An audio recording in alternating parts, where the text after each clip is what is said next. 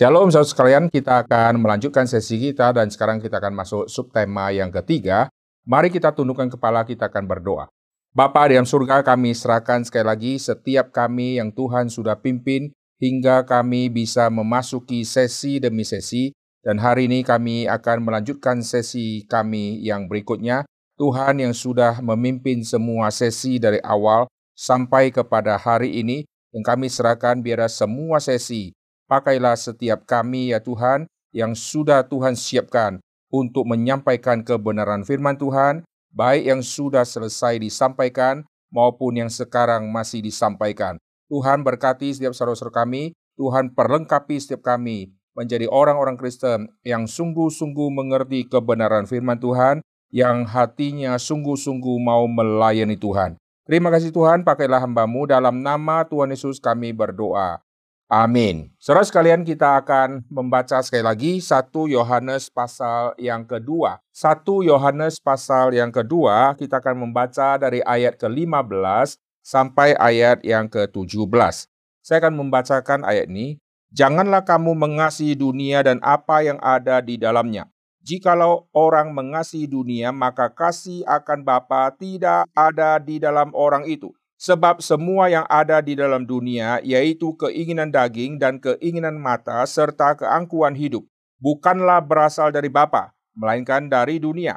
Dan dunia ini sedang lenyap dengan keinginannya, tetapi orang yang melakukan kehendak Allah tetap hidup selama-lamanya. Kita akan melihat Yakobus pasal yang pertama, ayat yang kita sudah baca di sesi sebelumnya. Yakobus pasal yang pertama, ayat yang ke-14, kita akan membaca sampai ayat yang ke-15. Tetapi tiap-tiap orang dicobai oleh keinginannya sendiri karena ia diseret dan dipikat olehnya. Dan apabila keinginan itu telah dibuahi, ia melahirkan dosa. Dan apabila dosa itu sudah matang, ia melahirkan maut. Sekarang kita akan masuk ke tema tentang keinginan mata. Di seri sebelumnya saya sudah membahas tentang keinginan daging. Keinginan itu kalau dibuahi itu akan menghasilkan dosa. Kalau begitu, apakah keinginan itu kalau belum dibuahi berarti belum ada dosa di dalam dunia? Dosa sudah ada di dalam dunia.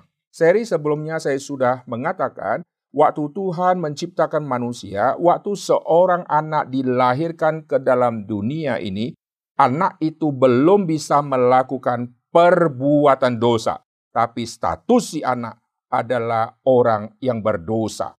Status dia adalah orang yang berdosa, tetapi secara perbuatan dia belum melakukan dosa. Karena status dia adalah orang berdosa, maka nanti kecenderungan hidupnya akan melakukan dosa.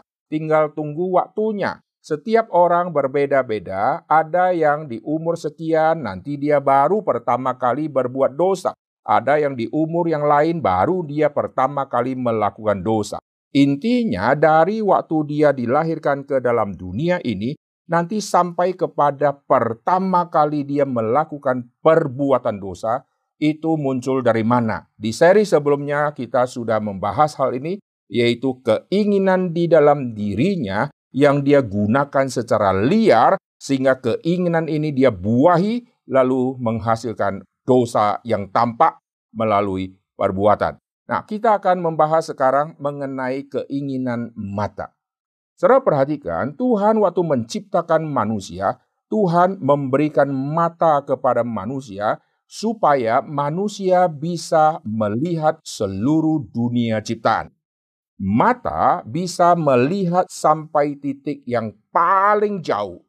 Telinga tidak bisa mendengar suara yang sangat jauh, tapi mata sudah melihat ada orang di ujung jauh di situ. Tapi apa yang dia katakan di ujung sana, telinga tidak bisa mendengar. Jadi mata Tuhan cipta untuk bisa mengawasi yang jauh dan mata juga bisa melihat yang dekat. Oleh sebab itu waktu Tuhan menciptakan manusia dengan ada mata, mata merupakan organ yang sangat penting yang Tuhan ciptakan. Melalui mata kita bisa melihat, melalui mata kita bisa memandang seluruh keindahan dari dunia ciptaan Tuhan secara real dan secara tajam. Tuhan cipta manusia dengan lensa mata yang paling canggih di dunia. Tidak perlu di-upgrade. Dari sejak kecil kita diciptakan, kita punya lensa mata sampai hari ini adalah lensa yang paling tajam. Sekarang orang menghasilkan semua teknologi kamera yang sangat canggih sampai 8K, ada yang 16K untuk membuat mata kita waktu melihat seperti sedang melihat yang realnya. Tetapi semua yang 16K atau 8K itu menjadi mahal dan menarik karena mata kita aslinya bagus. Sehingga mata yang bagus ini bisa memandang yang 16K dan bisa mengapresiasi yang 16K, ketajaman yang 8K, lalu bisa kita beli ketajaman-ketajaman lensa yang sudah dihasilkan oleh manusia manusia semakin kagum atas semua karya manusia. Tapi satu hal yang manusia harus ingat, kalau mata manusia Tuhan cipta adalah hitam putih, maka teknologi semua lensa yang tercanggih kayak apa pun tidak akan menarik mata kita untuk melihat karena mata kita hitam putih. Ada orang yang matanya tidak bisa lihat warna tertentu. Maka kalau saudara sodorkan TV dengan ketajaman, dengan warna yang begitu komplit, dia waktu lihat tetap ada cacatnya di dalam TV yang dia lihat itu. Tapi kenapa kita bisa mengapresiasi ini ketajamannya luar biasa? Karena mata kita dicipta oleh Tuhan, tajamnya luar biasa. Teknologi boleh hebat, tetapi mata mempunyai lensa dengan teknologi yang tercanggih di dunia. Mengapa Tuhan bekali manusia dengan ada dua CCTV, yaitu dua mata dengan lensa tercanggih di dunia, supaya manusia bisa melihat dengan tajam, mengamati dengan begitu tajam seluruh dunia ciptaan Tuhan, dan bisa memandang dengan begitu jauh, dan manusia harus mengkagumi apa yang Tuhan sudah ciptakan ini. Karena keinginan di dalam diri adalah rakus dan serakah, maka setelah melihat, manusia langsung pikir, aku mau mendapatkan barang atau benda itu. Caranya bagaimana? Aku belum punya uang, pokoknya aku harus dapatkan itu. Maka muncullah semua keinginan kejahatan, yaitu mencari siasat bagaimana bisa mendapatkan barang itu. Setelah dapat, bagaimana saya bisa mendapatkan yang lebih lagi hanya keinginan manusia lalu terus bekerja dan terus dibuahi, maka dosa dan kejahatan mulai muncul akibat dari mata yang pertama memandang. Mari kita melihat bagaimana setan mencobai Adam dan Hawa dengan membangkitkan keinginan di dalamnya. Sehingga keinginan daging ini sudah dibangkitkan, lalu kita akan melihat bagaimana setan membangkitkan keinginan mata, yaitu mata yang memandang ini. Mari kita perhatikan di dalam kitab kejadian. Perhatikan di ayat yang kelima pasal yang ketiga.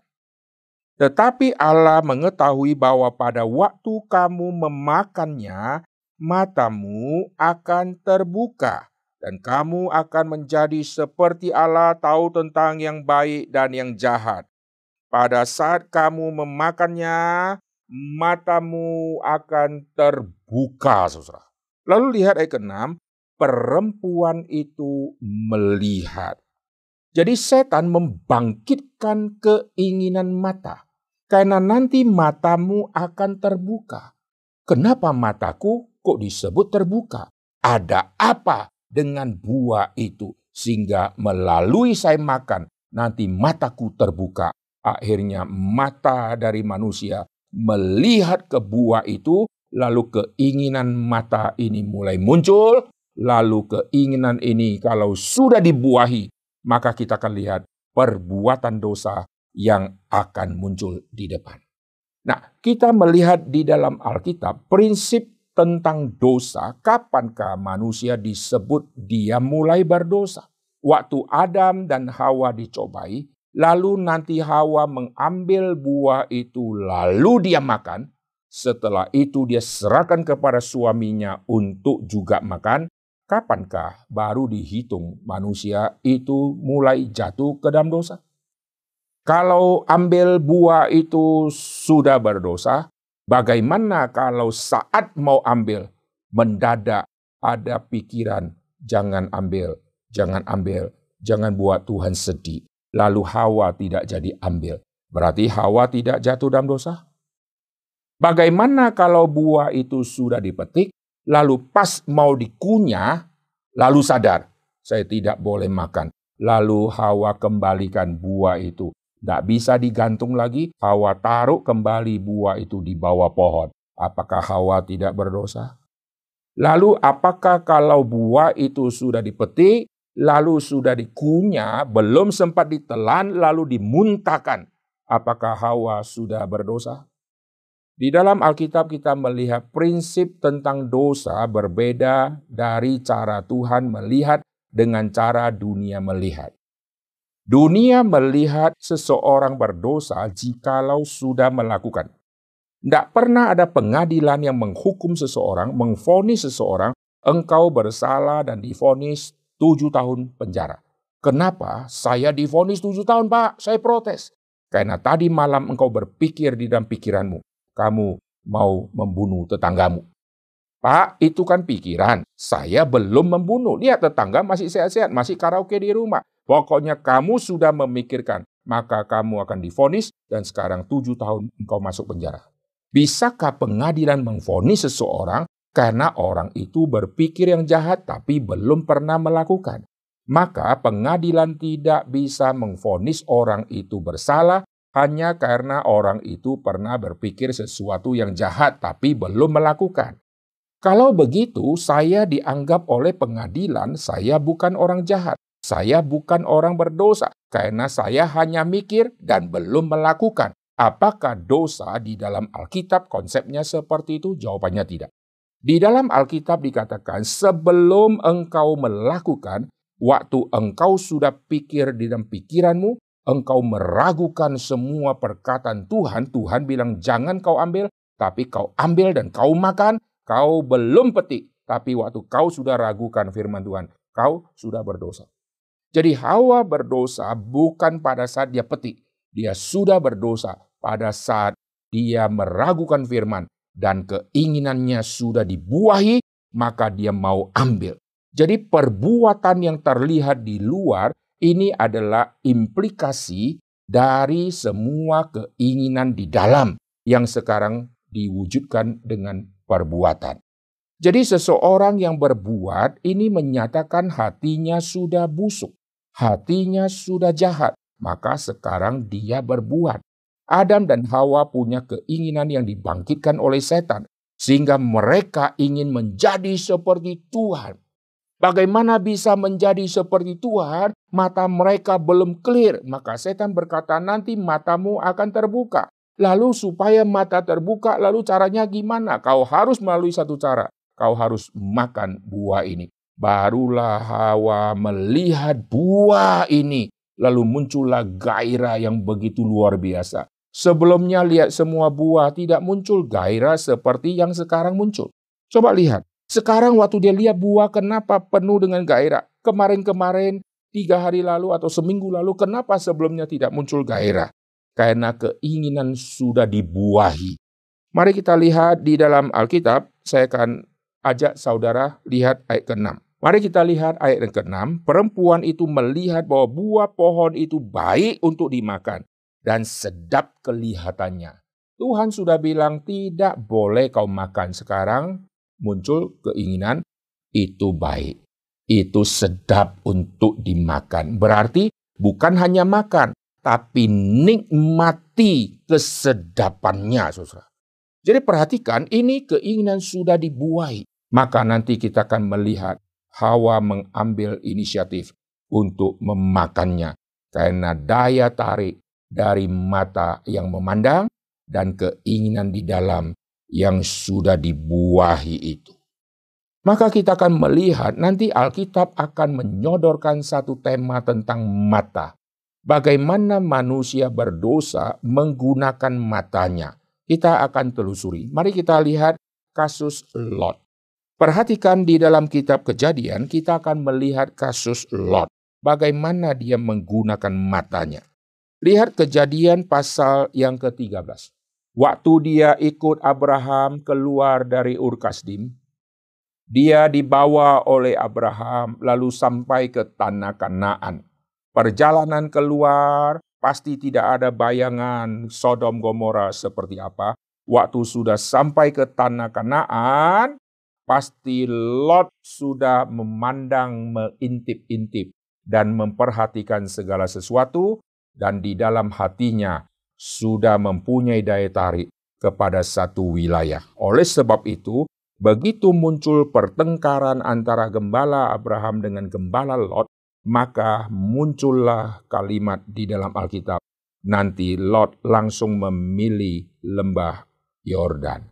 Mengapa begitu cepat dia ambil keputusan memilih lembah Yordan?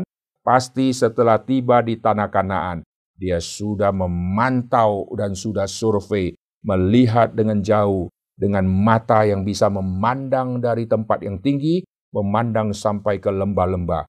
Dan dia sudah lihat manakah yang paling bagus, manakah yang kurang bagus. Lalu muncullah keinginan di dalam hati, kalau saya bisa pindah ke situ, alangkah baiknya. Tapi kapan waktunya?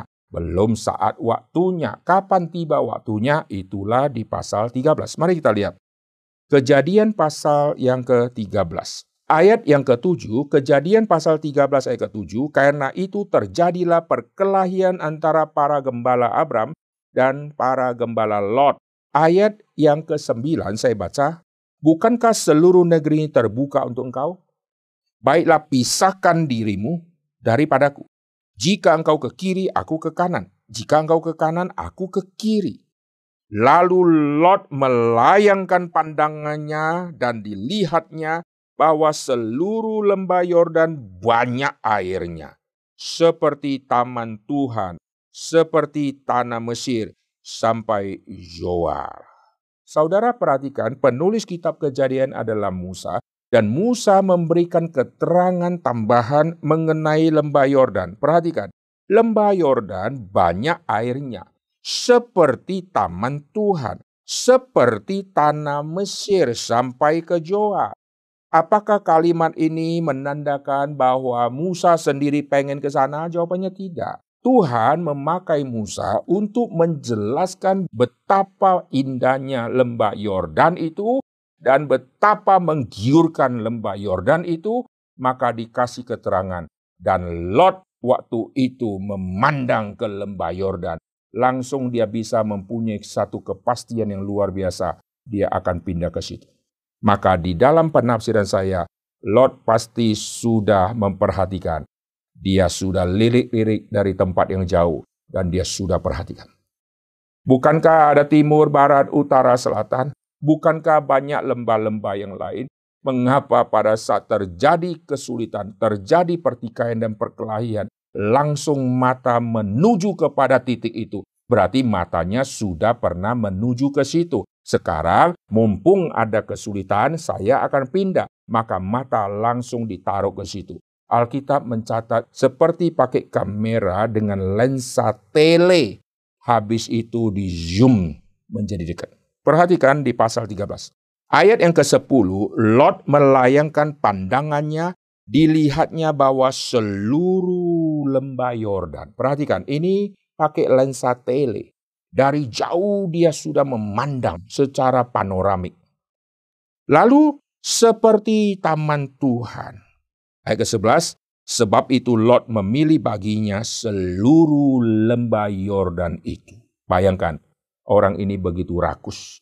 Karena mata sudah memandang, lalu dia ambil, pilih seluruh lembah Yordan. Lalu setelah itu dia berangkat ke sebelah timur. Lalu tadi dari yang tele sekarang menjadi zoom saudara ya.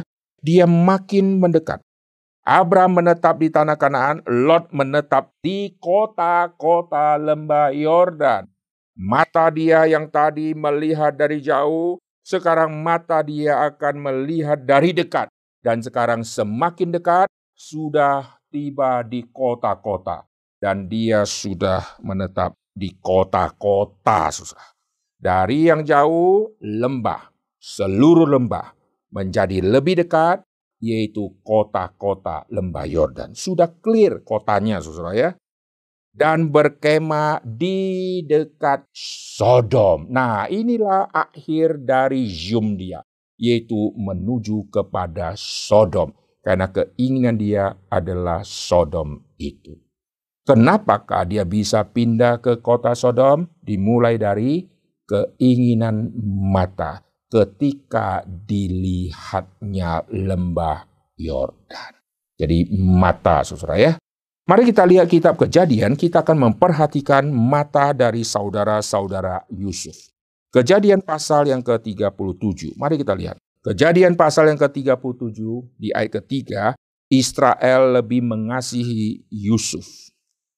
Perhatikan ayat keempat. Setelah Yusuf diberikan jubah yang maha indah, Ayat keempat, setelah dilihat oleh saudara-saudaranya bahwa ayahnya lebih mengasihi Yusuf daripada saudaranya, maka bencilah mereka itu kepadanya dan tidak mau menyapanya dengan ramah. Saudara perhatikan kebencian dari saudara-saudara Yusuf apakah baru muncul pada saat tema ini? Setelah dikasih jubah yang maha indah, baru muncul kebencian itu? Saya percaya tidak. Kenapa? Karena mereka sudah tinggal bersama Yusuf. Yusuf waktu dilahirkan, mereka sudah memperhatikan Yusuf. Mereka sudah melihat sikap dari Yakub yang mencintai Yusuf. Karena Yusuf dilahirkan dari istri Yakub yang dia sangat cintai, yaitu Rahel. Maka waktu dia memperlakukan Yusuf sama memperlakukan anak-anak Yakub yang lain, yaitu yang dari Lea, yang dari budak-budak itu, dia memperlakukan pasti berbeda. Maka karena berbeda, setelah dilihat oleh semua saudara-saudara Yusuf yang lain, mereka sudah mempunyai satu iri hati dan cemburu. Tinggal tunggu waktunya. Keinginan mereka yang sudah disalahgunakan yaitu mereka ingin disayang seperti ayahnya menyayang Yusuf, mereka ingin dibela oleh Yakub seperti Yakub begitu mencintai Yusuf dan sekarang mereka akan membuahi keinginan-keinginan mereka, tapi waktu meledaknya tunggu saatnya. Saat meledaknya itulah di pasal 37 setelah dikasih jubah yang maha indah. Emangnya semua koko-koko dari Yusuf tidak pernah pakai baju yang baru. Ruben, anak pertama, pasti dapatnya baju baru. Waktu dia dapat baju baru, kenapakah dia tidak merasa aku dapat baju baru? Lalu anak-anak Yakub yang lain apakah tidak pernah dapat baju yang baru? Mengapakah Yusuf yang dikasih jubah yang maha indah ini kenapa semua sudah marah? Karena keinginan di dalam diri mereka sudah dibuahi dan sekarang tindakan jahatnya akan terlihat. Maka tunggu saatnya nanti akan terlihat. Kapankah terlihat? Nanti setelah benci-benci, lalu Yusuf menceritakan mimpinya, maka mereka memutuskan tidak boleh tunda lagi. Kita harus habisi. Nah, waktu mereka melakukan satu tindakan, mengambil Yusuf, lalu mau mematikan dia, akhirnya nanti Yusuf dijual, semua tindakan yang terlihat itu adalah efek dari keinginan yang sudah lama dibuahi. Sekarang baru tampak di dalam perbuatan. Jadi kesalahan dari saudara-saudara Yusuf bukan pada saat mereka menjual. Pada saat mereka sudah tidak senang kepada Yusuf. Mereka sudah jatuh ke dalam dosa. Itu tentang saudara-saudara Yusuf yang melihat. Mari kita lihat pasal 37 ayat ke-18. Ini memakai kata yang sama semua ya tentang melihat itu. Ayat ke-18 pasal 37. Dari jauh ia telah kelihatan kepada mereka. Tetapi sebelum ia mendekat pada mereka, mereka telah bermufakat mencari daya upaya untuk membunuhnya. Jadi keinginan untuk mengenyahkan Yusuf ini sudah ada, sudah dibuahi. Sekarang meledak saudara ya. Saya ajak saudara melihat bagaimana dengan mata istri Potifar. Perhatikan di dalam kitab kejadian pasal ke-39. Dulu saya sering mendengar laki-laki lemahnya di mata, wanita lemahnya di telinga. Betulkah demikian? Jawabannya tidak. Alkitab sudah mencatat di dalam kitab kejadian yang tadi kita sudah bahas. Hawa melihat. Sedap juga buah itu untuk dia nikmati. Jadi Hawa melihat. Waktu Hawa melihat, Adam pasti melihat. Karena Adam ada di sampingnya, saudara, waktu itu. Jadi dua orang ini, laki-laki dan perempuan, dua-duanya lemah di mata.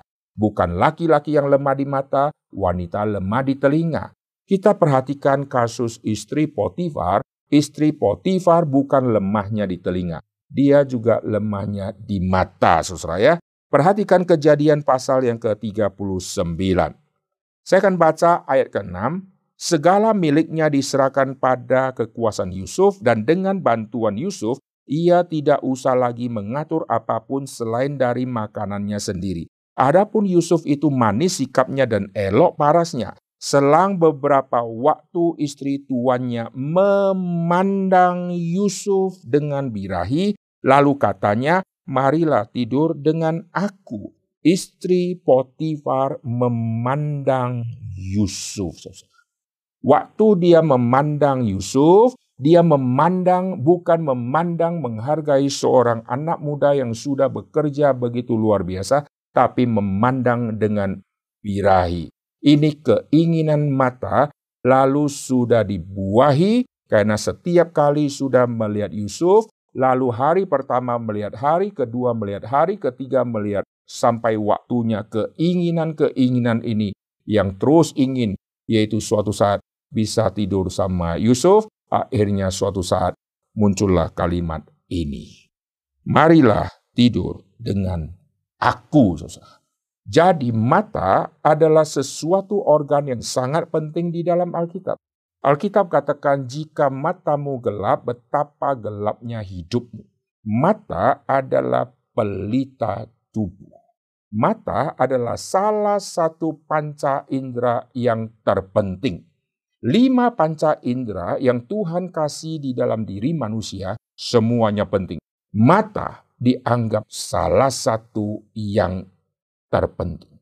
Mata ini memandang, telinga ini mendengar, lalu hidung ini akan mencium, lalu di dalam mulut kita akan merasa sesuatu, entah itu manis, entah itu pahit, lalu tangan akan merasa, akan meraba. Nah, lima panca indera ini adalah alat input untuk seorang manusia. Mata adalah alat input. Maka apa yang saya lihat dan saya baca menjadi input bagi diriku, masuk ke dalam diriku. Dari yang saya belum pernah lihat, sekarang saya sudah tahu. Oh kota itu begitu bagus, oh gunung itu begitu tinggi. Karena mataku sudah memandang gunung itu dan sudah naik ke gunung itu. Maka apa yang kulihat itu sekarang menjadi inputan masuk ke dalam diriku dan aku dapat banyak bahan sekarang. Telinga ini juga alat input, saudara. Maka kita di kelas kita banyak mendengar. Waktu mendengar, kita dengar kalimat dari guru. Ini menjadi inputan masuk ke dalam diri kita. Lalu mata memandang tulisan guru, maka mata memandang menjadi alat input. Kita sekarang akan menulis, saudara. Lalu telinga mendengar, maka kita ingat guruku pernah mengatakan. Lalu bagaimana dengan hidung?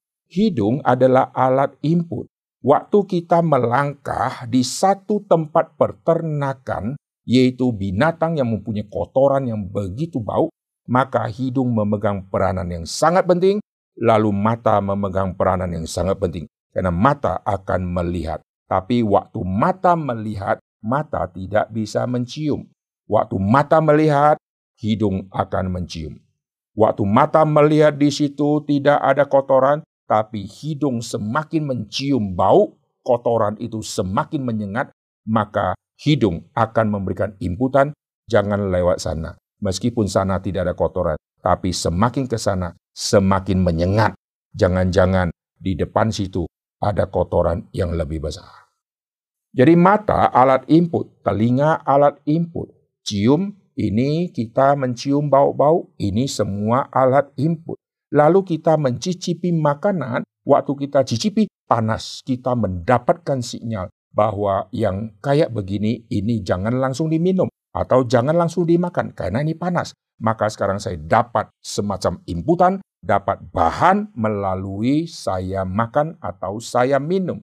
Lalu tangan saya menyentuh. Api ini panas atau dingin. Waktu saya pegang api ini, ternyata panas. Maka tubuh saya sekarang mengetahui panas itu kayak begini. Maka lima panca indera ini, ini adalah alat input di dalam diri seseorang.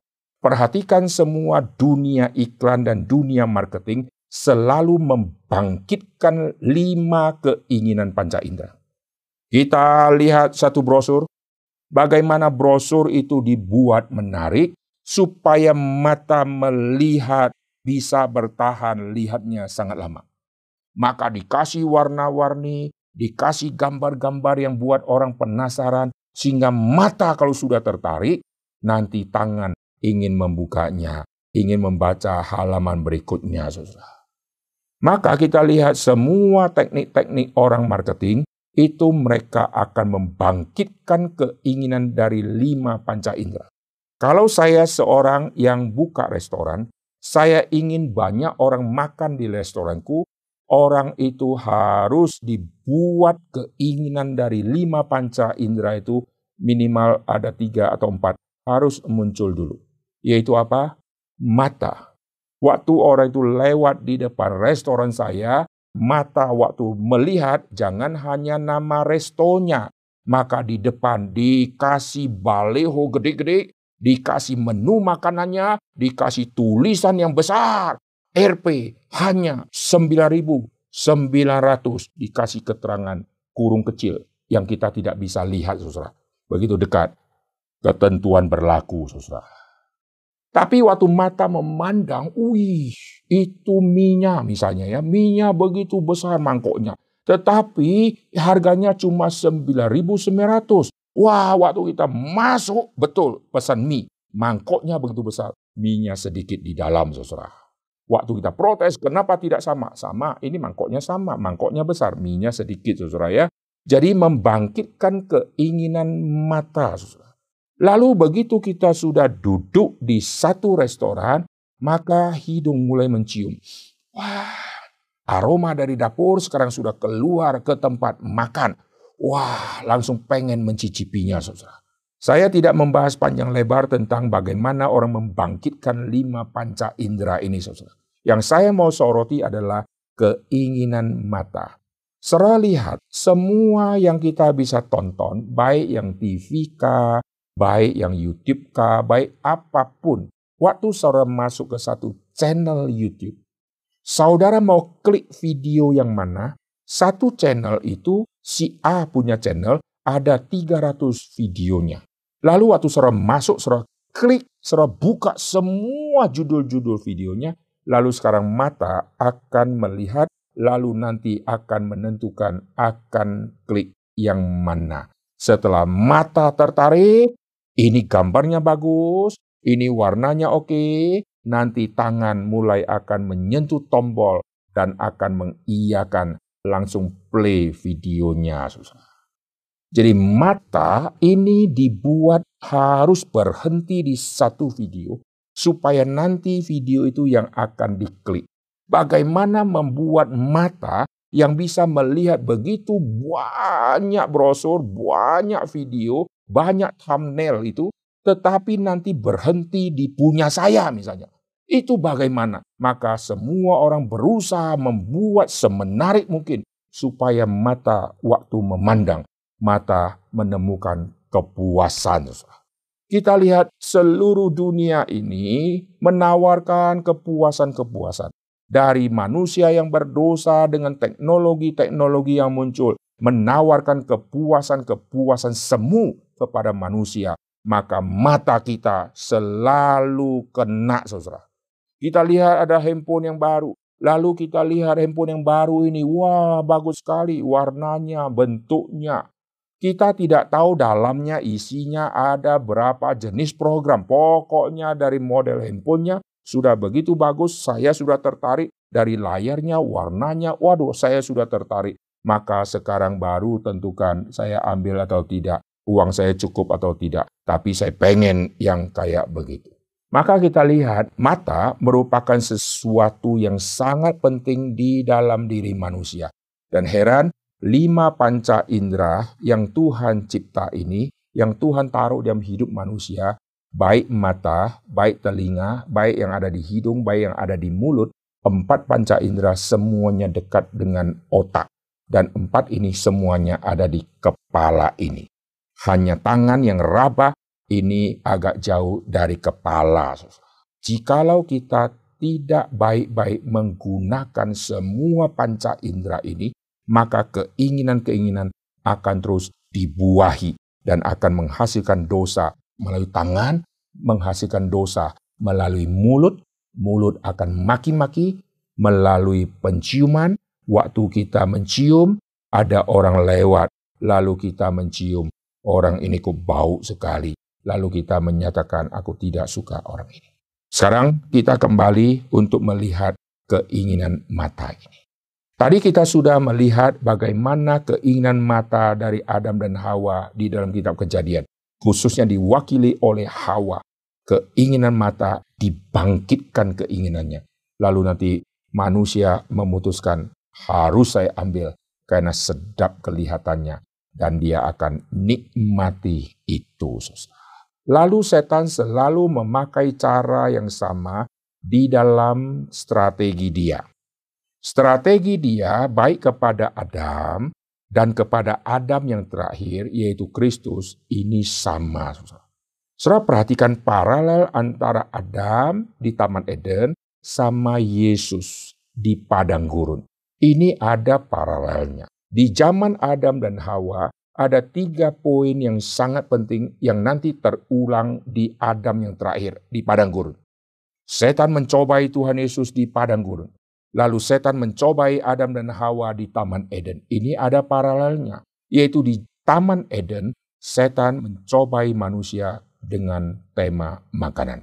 Buah ini kelihatannya sedap untuk dimakan dan memberi pengertian kalau kau makan, kau akan menjadi seperti Tuhan. Rubah batu ini jadi roti. Jadi tema makanan. Lihat, ini paralelnya. Lalu yang kedua, kalau kau makan buah itu, kau tidak akan mati. Yang Yesus, kau loncatlah dari tempat yang tinggi. Kau tidak akan mati. Malaikat akan dikirim untuk menatang engkau. Tentang makanan, tentang makanan. Kau tidak akan mati, loncatlah, kau tidak akan mati. Lalu, setan kasih tahu manusia kalau kau makan buah itu, kau akan menjadi seperti Tuhan. Sekarang lihat, setan kasih tahu kepada Yesus, kau sembahlah aku, seluruh dunia kuserahkan kepadamu. Seolah-olah sekarang terjadi perahlian otoritas dari otoritas yang setan miliki sekarang diserahkan kepada Kristus sehingga Kristus memiliki segala-galanya, mempunyai kuasa yang sangat maha besar itu. Padahal ini adalah semua tawaran yang palsu. Matius pasal 28, Yesus berkata, segala kuasa di sorga dan di bumi ada padaku. Setan hanya menawarkan yang bumi. Yesus mempunyai kuasa bukan hanya yang bumi saja, tapi segala kuasa di sorga dan di bumi ada padaku yaitu Yesus adalah Tuhan. Yesus adalah Tuhan bukan dari pemberian setan. Yesus mempunyai kuasa yang begitu besar, bukan sebagian kuasanya diberikan oleh setan. Yesus adalah Tuhan. Dan sekarang Yesus disuruh untuk menyembah setan. Setelah menyembah setan, maka Yesus akan menjadi yang kelihatannya lebih hebat, lebih berkuasa, lebih seperti Allah. Adam dan Hawa kau makan buah ini, maka kau akan menjadi seperti Allah. Setan seolah-olah akan jadi pesuruhnya Allah, seolah akan menjadi lebih rendah dari Allah, biar manusia yang memimpin si setan. Karena kalau manusia sudah jadi Allah, maka setan akan jadi bawahan. Yesus, engkau sembah aku. Kalau engkau sembah aku, semuanya ku kasih kepadamu. Semuanya ku kasih kepadamu. Yesus tanda petik seperti Allah yang akan melakukan segala sesuatu tanpa ada saingan apa pun karena setan sudah menyerahkan semua kepada Yesus.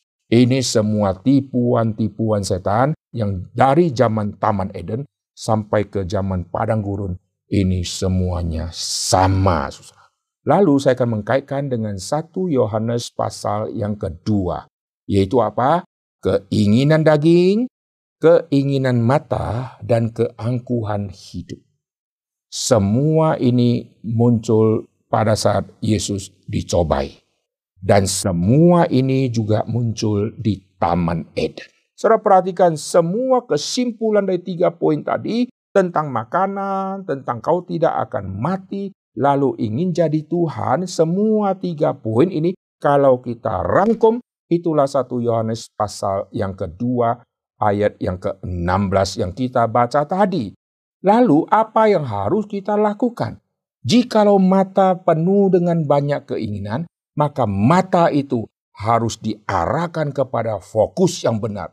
Saya akan mengajak saudara melihat dua tema penting ini di dalam perjanjian baru, yaitu bagaimana menempatkan mata yang sesungguhnya.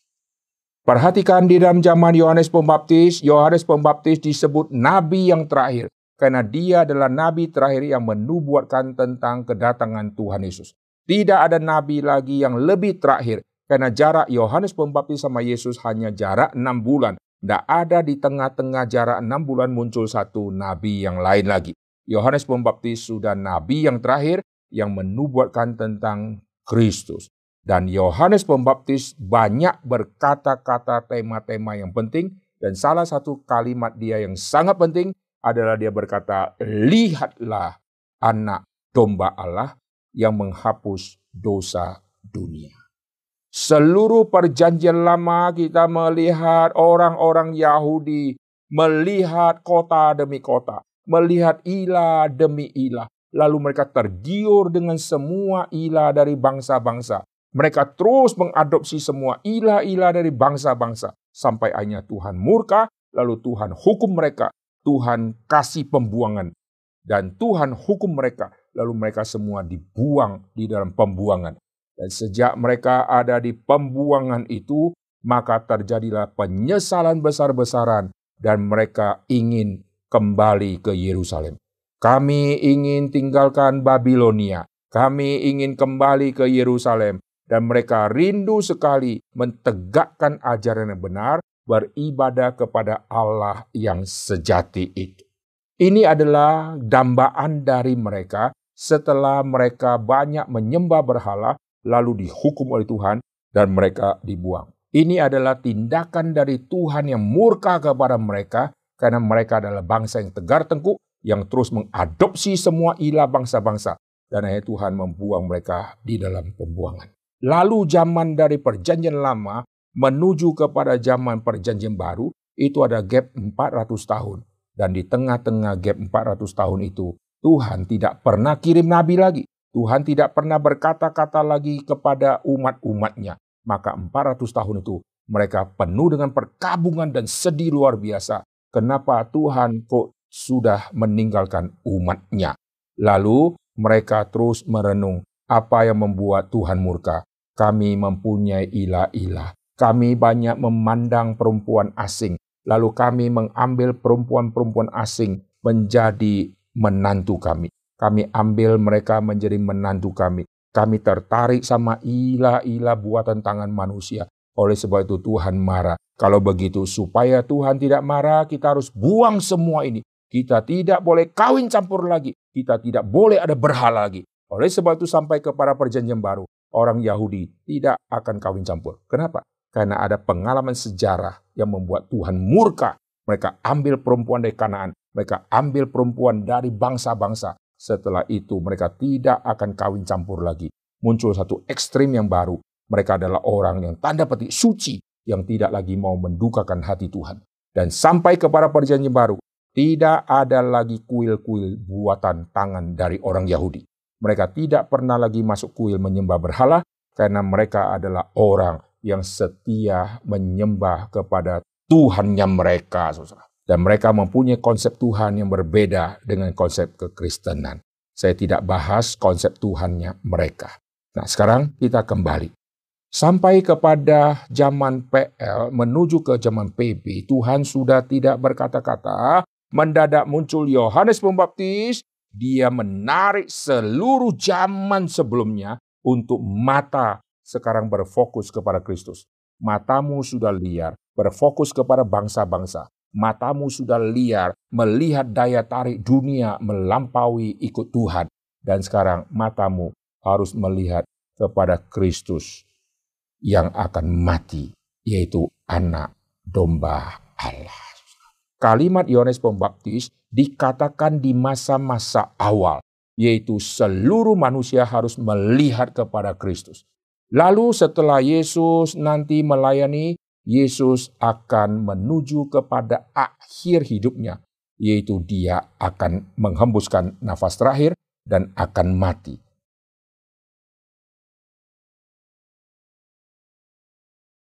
Di masa awal pelayanan Tuhan Yesus, Yohanes Pembaptis sudah menunjuk kepada Kristus, lihatlah anak domba Allah. Setelah Yesus mulai pelayanan dari umur 30 lalu 33 setengah tahun. Di akhir pelayanan Tuhan Yesus sebelum dia menghembuskan nafas terakhir. Di dalam Yohanes pasal yang ketiga, memparalelkan salib Kristus dengan ular yang ditinggikan. Bangsa Israel sudah begitu jahat dan bersungut-sungut dan Tuhan marah maka Tuhan hukum mereka dengan kirim ular sehingga mematuk mereka dan sebagian mereka sudah kena patuk ular, sudah kena racun, lalu mereka mati. Demikian juga kita sudah ada racun dosa. Upah dosa adalah maut, sebagian sudah mati. Yang ada sekarang, kita yang ada dosa, kita ini yang belum ada keselamatan, kita seperti sedang sekarat. Semua orang yang belum ada keselamatan itu mereka seperti sedang sekarat ada racun ular, itu maksudnya.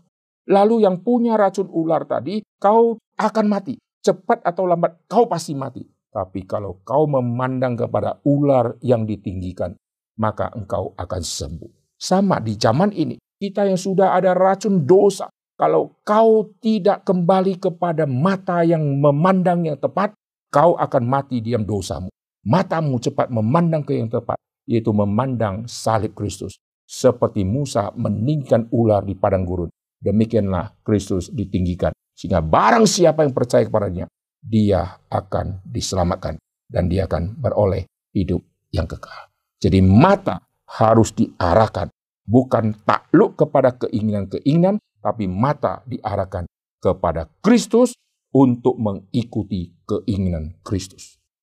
Apakah keinginan Kristus di dalam hidup setiap kita? Yaitu Yesus berkata, kalau kau mengasihi aku, kamu harus menuruti semua perintah-perintahku. Dulu melalui mata kita memandang, lalu kita melakukan perbuatan yang jahat. Keinginan kita setelah dibuahi kita melakukan perbuatan yang jahat. Sekarang mata kita setelah memandang kepada Kristus, kalau kau mengasihi aku, kau harus menuruti semua perintahku dan kita dituntut untuk melakukan semua yang Yesus perintahkan. Mata setelah mengarah ke yang tepat, barulah perbuatan kita akan melakukan seperti apa yang kita lihat. Yesus mengatakan, apa yang kukerjakan, kulihat dari Bapa. Maka sekarang kita mengerjakan apa pun di dalam dunia, di dalam pelayanan, kita melakukan seperti kita melihat Kristus yang sudah melakukan. Apa yang kulakukan itu kulihat dari Bapakku. Dan kita sekarang berkata, aku melakukan apa yang kulakukan ini. Kulihat dari Kristus yang sudah melakukan. Kristus teladan hidupku. Marilah kita semua mata menuju kepada Kristus yang adalah ujung dari titik fokus di dalam setiap pandangan kita. Kita memandang Kristus bisa dari jauh. Seperti Abraham melambai-lambaikan dari jauh. Orang-orang di PL melambai-lambaikan dari jauh. Tapi mata memandang boleh dari jauh. Hati mereka dekat sama objek yang mereka lihat itu. Itulah iman mereka.